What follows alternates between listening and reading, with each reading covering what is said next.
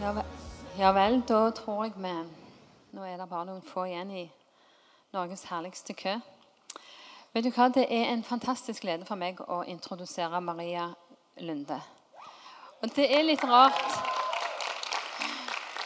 Det er litt rart, for Maria Lunde har jeg kjent siden hun lå i magen til moren hennes. Eh, eh, for vi har bodd i samme hus i seks år. Eh, og så har jeg ei datter som er bare noen uker eldre enn henne. Så ja. Så det er veldig veldig kjekt. Jeg føler liksom at jeg eier litt i hun her. her. Eh, og nå skal du tale. Rett og slett. Ja. Og det blir, er så bra. Eh, det gleder jeg meg veldig til. Og jeg har lyst til å be for Maria. Ja.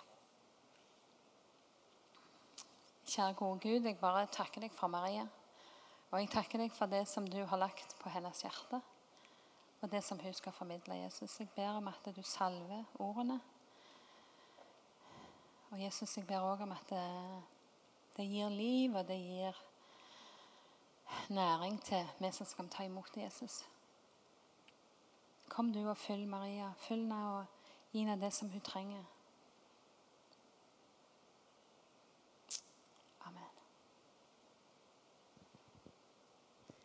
Ja, takk. Oi, det var høy lyd. Det går veldig bra. Takk. Eh, du, det er en veldig stor ære for meg å få lov til å tale her i kveld. Dette har jeg sett eh, fram til, og jeg har forberedt meg, og, og håper kanskje mest av alt at dere skal få et møte med Gud gjennom det jeg sier i dag. Da.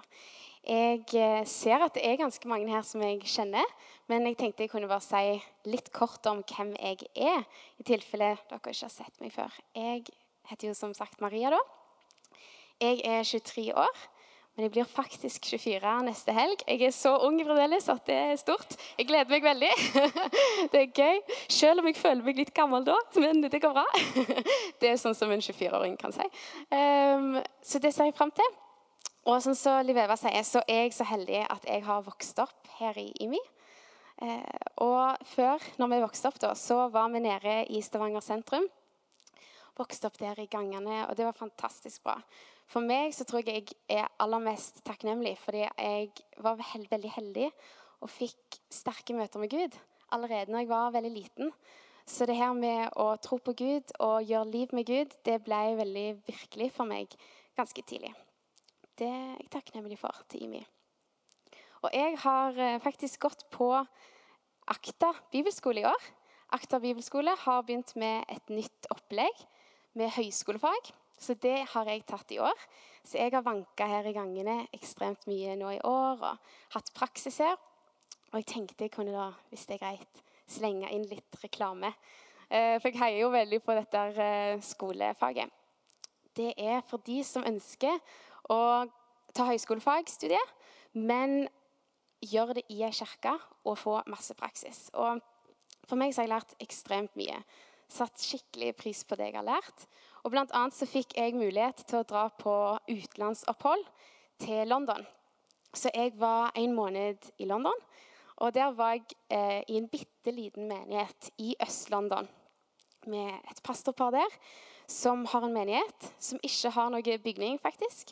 Så de, alt de gjør, det er hjemme hos folk, og det er rundt omkring overalt. Og når jeg kom der, så hadde bl.a. han her eh, pastoren, da, eller han kaller seg Wicker, prest, han hadde begynt et eksperiment som han kalte Theology on Tap. Så da dro han ut på en lokal pub og skulle liksom komme i prat med folk og snakke teologi.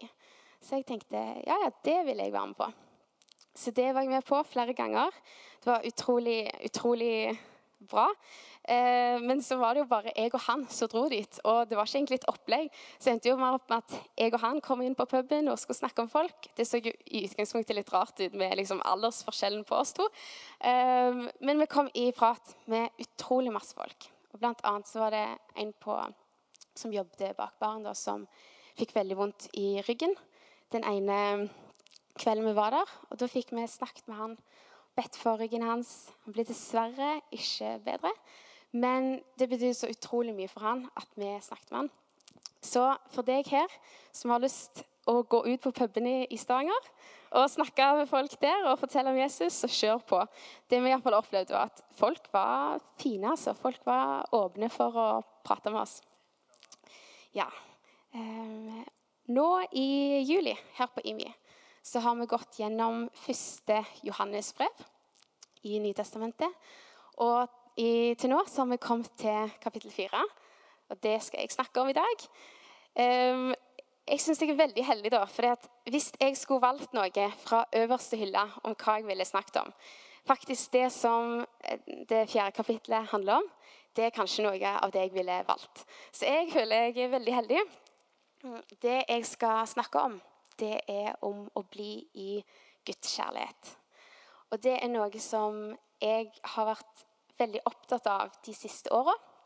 Når jeg var ferdig på videregående, så dro jeg på en bibelskole Eh, så er jeg i Bethel Church i Redding, California. Og var der i tre år. Lærte utrolig, utrolig mye spennende. Fikk sett mirakler, fikk sett folk bli helbreda. Eh, men noe av det som Gud snakket mest til meg om, det var om sin kjærlighet. Om at jeg er god nok for Han. Ikke fordi at jeg er en superduper kristen og alt jeg kan gjøre, men pga. kjærligheten. Og det skal jeg da snakke om i kveld, det er å bli i Guds kjærlighet. Og det skal jeg snakke om med å se litt nærmere på hva Johannes mener med det å bli i Guds kjærlighet. Skal jeg si litt om hva denne kjærligheten er for noe. For det viser seg at han kanskje er litt annerledes enn det jeg i utgangspunktet tenker om kjærlighet. Og så skal jeg prøve å være litt praktisk på hvordan vi kan leve et liv hvor vi blir i Guds kjærlighet.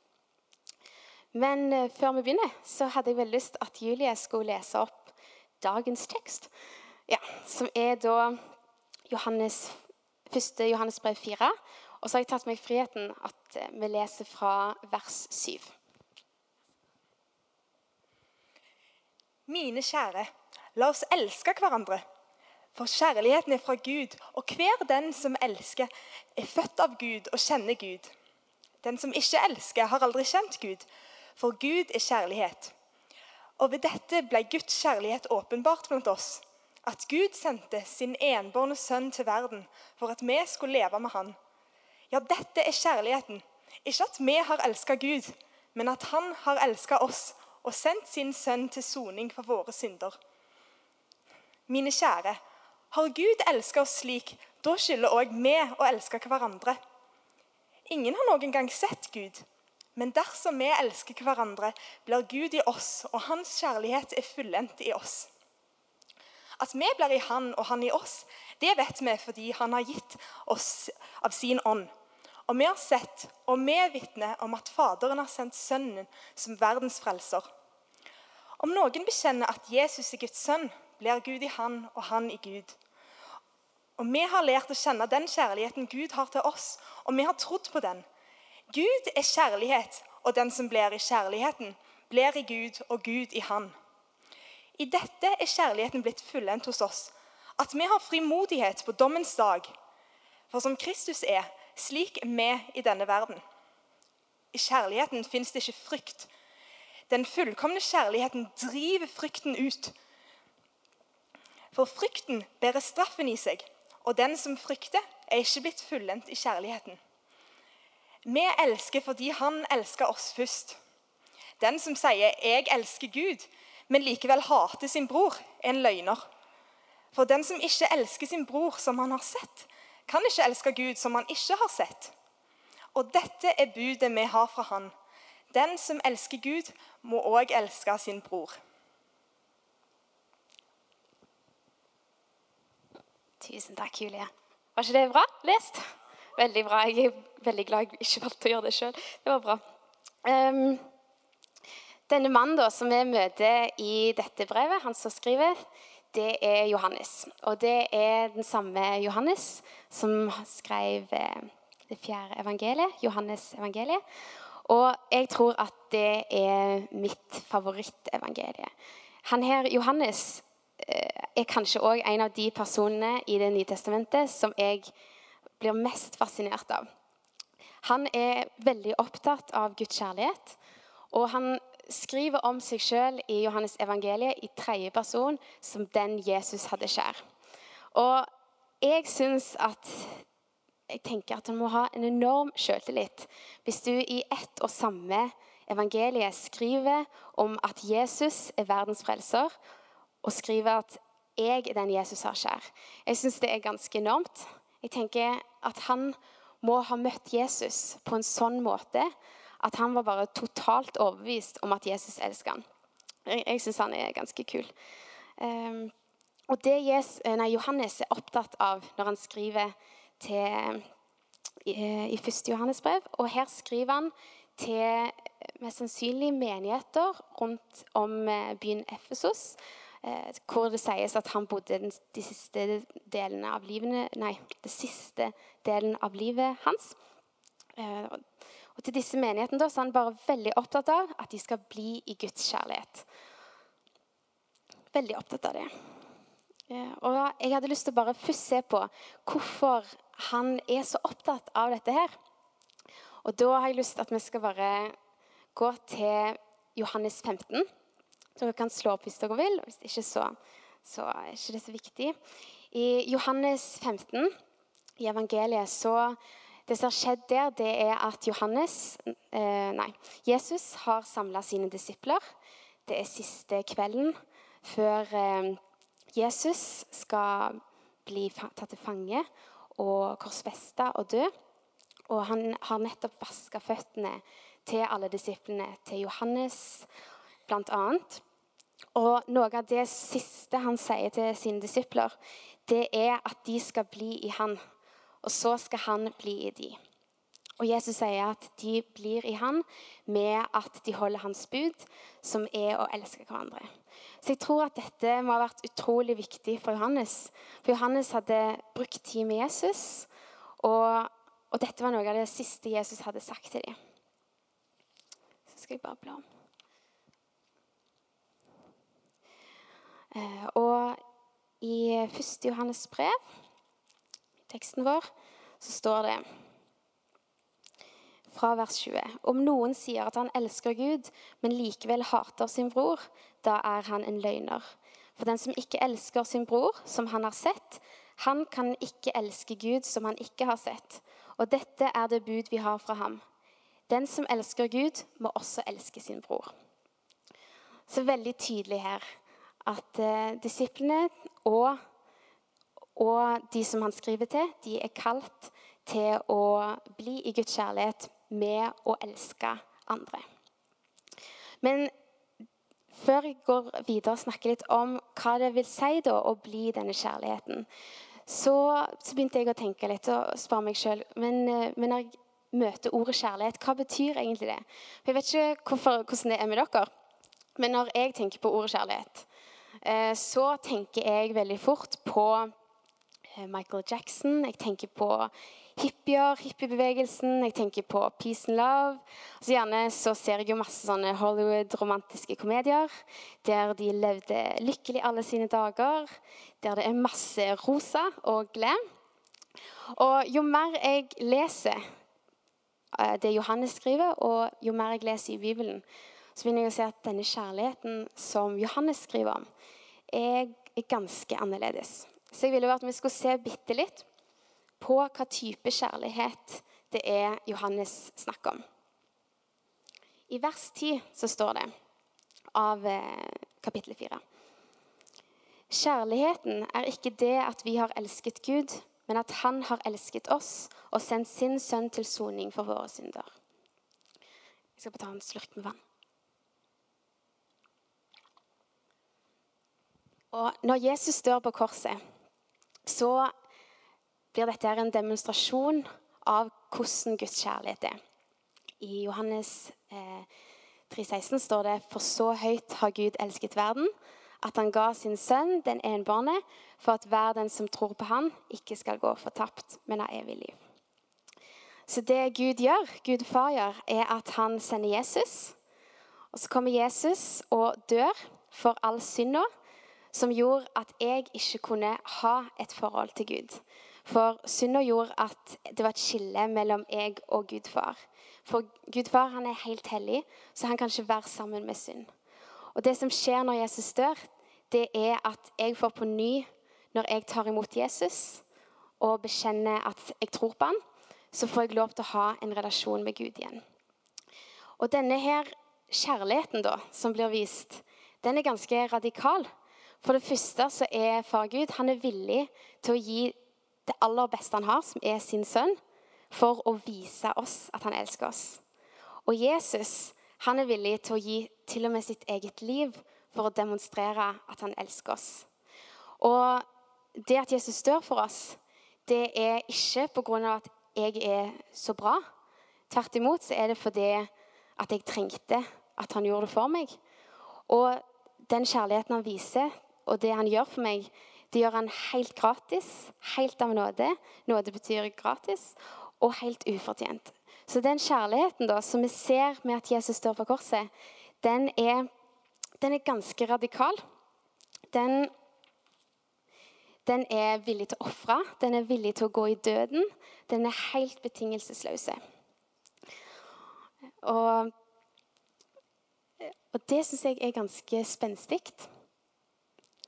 Og jeg tror at dette er en sånn kjærlighet som er så radikal at den er totalt annerledes enn hva vi ser rundt oss.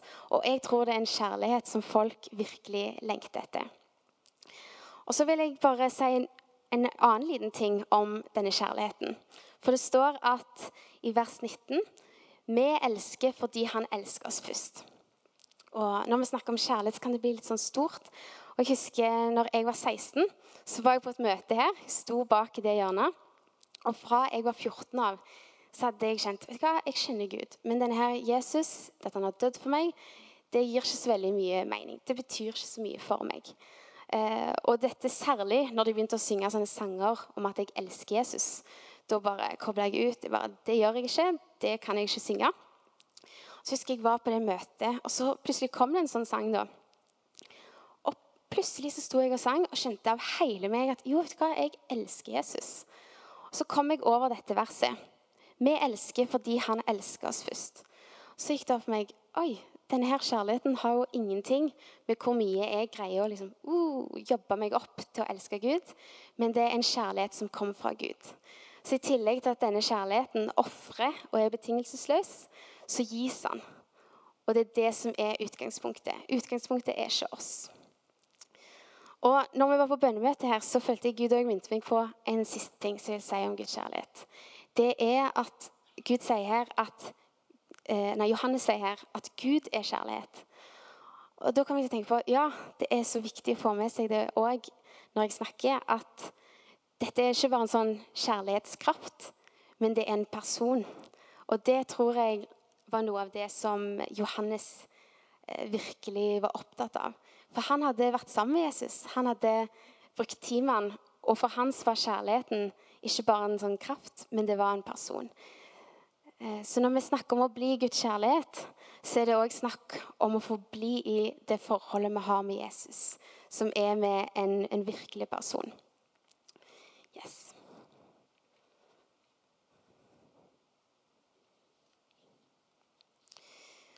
Vil jeg snakke om dette her med å bli Guds kjærlighet. For det som er hovedpoenget til Johannes, det er at vi skal elske hverandre for å vise at vi er i denne kjærligheten. Men når jeg satt og tenkte på dette, så ble det viktig for meg at men vi er ikke kalt når vi har tatt imot Jesus, til å bli sånn der superkristne.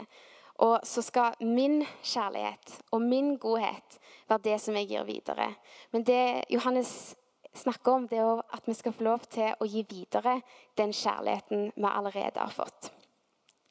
Eh, så det jeg ville si bitte litt om, det var at å bli i Guds kjærlighet, i denne kjemperadikale kjærligheten, tror jeg òg handler om å la Guds kjærlighet være det som preger livene våre. I Jeremia 2, 13, så snakker Gud om seg sjøl, om kilden av levende vann. Og eh, Jesus, når han møter denne samaritanske kvinna, så sier han til henne at 'Jeg kan gi deg eh, levende vann'. Og det er en type vann som gjør at du aldri vil tørste igjen. Og jeg tror det er sånn at vi mennesker som vi var skapt til å ha et forhold til Gud. Og jeg tror det er noen områder i livet vårt, eller masse områder, som bare Gud er meint til å fylle opp. Vi var meint til å ha Gud, eh, la Gud være den som anerkjenner oss, og som elsker oss, og som gir oss verdi. Så tror jeg det er fort gjort at eh, altså, det tomrommet må fylles opp, men at en kan fylle det opp med andre ting enn Gud. En kan fylle det opp med mat, med penger, andre forhold med andre mennesker. Eller med alkohol, sex. Andre ting som kan fylle opp den plassen. Eh, og for meg, det her med å bli Guds kjærlighet, har da blitt en lengsel etter å la Jesus være den som fyller opp det rommet i meg.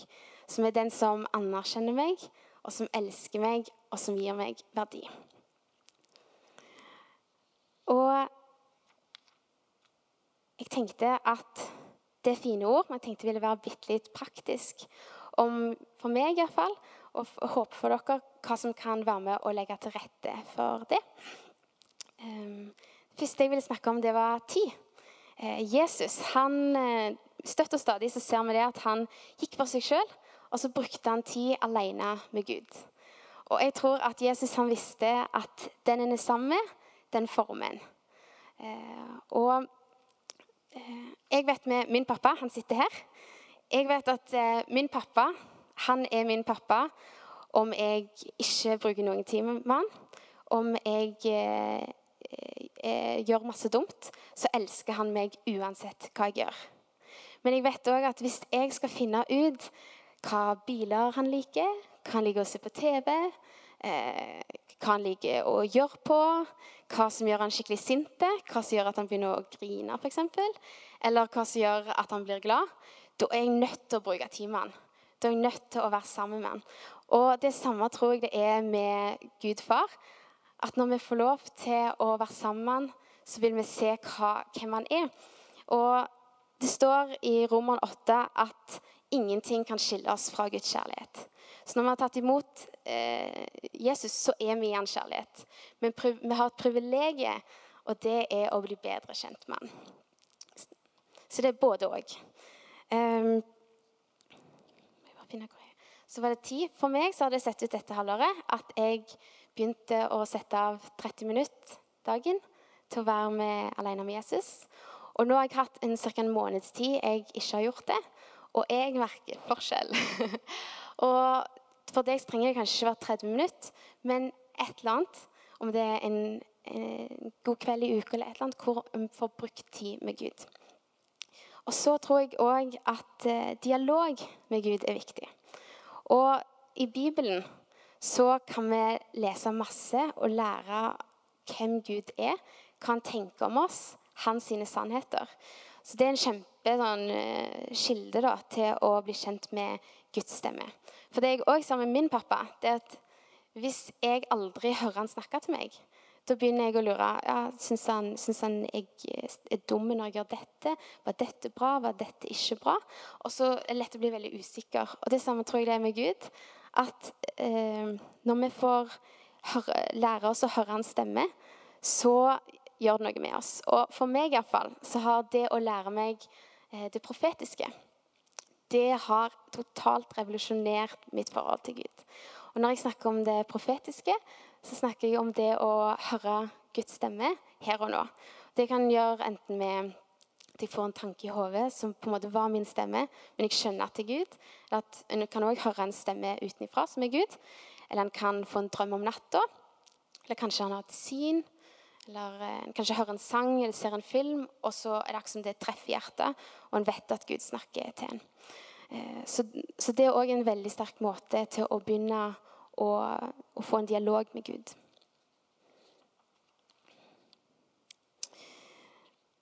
Så det var noen korte ting om hva som kan kanskje hjelpe oss til å la Gud være vår kilde. Eh, for det som jeg tror skjer når Gud er vår kilde, det er at når jeg da gir videre kjærlighet, så, så, gir jeg videre den kjærligheten Gud har gitt meg. Men jeg blir ikke tom. Jeg blir stadig fulgt opp. Eh, og det som jeg tror er annerledes med Guds kjærlighet, det er at den er utømmelig. For jeg tror ofte at eh, eh når vi ikke har Gud inn i, i bildet når vi har eh, relasjoner med hverandre, så når jeg gir kjærlighet til noen, så føler jeg at jeg mister litt av min kjærlighet. Så må de fylle opp. Så, så på en måte så elsker jeg de for å få tilbake. Jeg elsker for å egentlig ta. Men Guds kjærlighet er helt annerledes. Det, den bare gir. Den er villig til å gå i døden. Den er utømmelig. Og jeg tror det derfor er så viktig for oss å la Gud være den som anerkjenner oss, elsker oss, setter verdi på oss, som jeg sa tidligere. For da er det det jeg får lov til å gi videre. Og da går jeg aldri tom for kjærlighet å gi til andre. Og når jeg gir mer, så gjør det at jeg kan ta imot mer. Og det tror jeg òg det går på når eh, Johannes sier at hvis dere ikke demonstrerer kjærligheten, så er dere heller ikke i kjærligheten. Skal vi se. Eh, til sist så har jeg et siste ting jeg vil trekke fram som Johannes sier. Han sier det i kapittel 3, vers 18 av eh, 1. Johannes brev. Han sier mine barn, eh, vår kjærlighet må være sann, ikke tomme ord, men handling. Eh, og da kom jeg til å tenke på Heidi Baker. Hun er ei dame nede i Mosambik som har bare hjulpet en helt enorm mengde med barn. Eh, og ja, virkelig leve ut det Gud har for henne. Og eh, hun sier at 'love looks like something'. At kjærlighet, det ser ut som noe. Det, det, liker jeg veldig godt. Og det er det jeg tror Johannes òg prøver å få fram. At det ser ut som et eller annet. Eh, så det jeg oppsum vil oppsummere det jeg har sagt med, det at jeg tror når vi får lov til å bli i Guds kjærlighet, så lar vi Gud være den som fyller på. Og når da Johannes sier at vi skal demonstrere, at vi skal elske andre, så er det den kjærligheten jeg får gi videre. Eh, hvis dere har lyst til å bare komme opp, så skal jeg bare si noen siste ting. Så går jeg for landing. Eh, jeg vil bare eh, nå gi dere noen sånn konkrete ting å tenke på mens bandet her skal spille en lovsang. For jeg har lyst til at dere skal få mulighet til å bare spørre Gud om litt, om det, så dere kan gjøre noe med det jeg har snakket om nå. Men hvis du er her og ikke har tatt imot Jesus, så vil jeg bare si det at det er det mulighet for i dag. Eh, og jeg tror virkelig at eh, vi er alle skapt til å kjenne Gud. Og Jesus han sier om seg sjøl at han er den eneste måten som vi kan få muligheten til å ha en faktisk relasjon til Gud. Og for min del så ser jeg det at når jeg lar Jesus være den som eh, fyller opp det tomrommet jeg har, og være den som jeg eh, eh, ja, finner min verdi i, så er det akkurat som ingenting annet kan tilfredsstille meg. Ingenting annet. En blir ødelagt for alt annet. Så jeg vil bare gi deg invitasjonen i dag til at hvis du vil ha, ta imot Jesus, så kommer det til å være noen eh, folk her etterpå som skal være tilgjengelig for å be for deg. Og da kan du eh, eh komme og så bare si jeg, jeg har lyst til å ta imot Jesus. Og da kan du ta og Så vil de be en bønn sammen med deg. Og gjerne ta nummeret ditt. Og ja Gjerne gi deg en bibel. Mm. Eh, men jeg har to ting som jeg bare vil gjerne gi dere muligheten til å tenke litt på nå. Det var om det er én ting som eh, du kan gjøre denne sommeren for å legge til rette for å vokse i denne relasjonen til Gud. Og jeg vil gjerne at du tar tid til å spørre Gud. At han viser deg noe. Eh, for det tror jeg er, det er litt herlig når Gud viser oss, så vi ikke må komme på noe sjøl. Og hvis du ikke er så vant med å høre Guds stemme, så vil jeg bare si at av og til når jeg gjør det, så er det sånn det første som bare kommer inn i hodet mitt når jeg spør Gud om han vil si meg noe, da tar jeg det og så tenker jeg, ja, ja det tror jeg er fra Gud. Så bare test det ut hvis du vil nå. Uh, og ja, om det er én ting. Og det kan være skal vi se Ja, det kan være eh, tid Det kan være om du skal ta og lære litt mer om det profetiske, lære mer om å høre Guds stemme. Kanskje det er noen som du vet kjenner Jesus ganske godt, som du kanskje kunne brukt litt tid med i tilfelle de ja, har noe å lære til deg, eller et eller annet annet. Det var det første. Og òg om det er én praktiske ting du kan gjøre denne uka for at kjærligheten skal få et eh, sånn praktisk uttrykk. Eh, jeg, for noen uker siden så leda ei eh, dame dette møtet. Og så sa hun at hun følte at Jesus bare ville gi oss håp. Og så sa hun at vi kunne bare spørre om det var et eller annet vi kunne gjøre for å gi videre håp til noen. Og så fikk jeg jo en sånn idé om tanken min. Nei, tanken min. Tanten min. Og når jeg får sånne ideer, så tenker jeg ja, kanskje Gud snakker til meg da. Eh, og så fikk jeg en idé ja, jeg skal kjøpe henne en gave. Og jeg visste at den uka så skulle vi i begravelse der som tanten min bor, til familiemedlem. Jeg tenkte ja, det kan jeg gjøre. Og så når jeg skulle kjøpe en gave til henne, så fikk jeg bare sånn, så for meg Nordli. Så jeg gikk der, og så tenkte jeg ja, dette er Gud som snakket til meg. Så kjøpte jeg en sånn eh, klissete, romantisk bok og et eller annet sånn positivt. Det var ikke kristent, ingenting, men, men eh, den kjøpte jeg til henne og ga til henne. Og det viste seg at det betydde bare utrolig mye for hun. For hun, ja, hun har ikke så stor familie sjøl at eh, noen ja, viste noe oppmerksomhet. Og skal jeg være helt ærlig, så hadde jeg, det hadde jeg aldri kommet på å gjort sjøl. Virkelig ikke. Så det var ikke på min agenda i det hele tatt. Så gjerne spør om Gud bare minner deg på en person eller et eller annet du kan gjøre for at det skal få et praktisk uttrykk.